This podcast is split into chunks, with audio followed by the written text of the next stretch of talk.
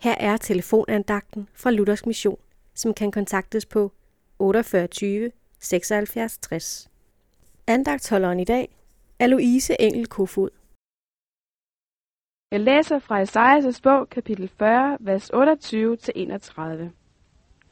Ved du det ikke? Har du ikke hørt det?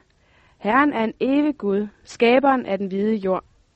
Han bliver ikke træt og udmattet. Hans indsigt kan ingen udforske. Han giver den udmattede kraft. Den kraftesløse giver han ny styrke.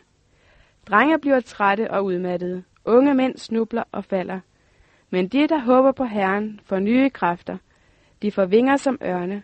De løber uden at blive trætte og vandrer uden at udmattes. Kender du til at blive træt, sådan slidt helt ned til sokkeholderne? Det gør jeg.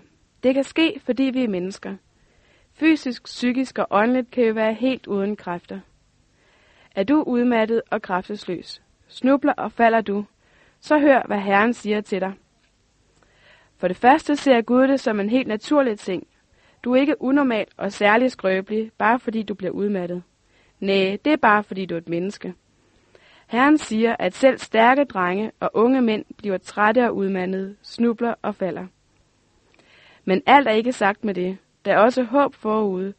For Gud giver et dejligt løfte. Han siger, at de, der håber på ham, vil han give nye kræfter. De får vinger som ørne, de løber uden at blive trætte, de vandrer uden at udmattes.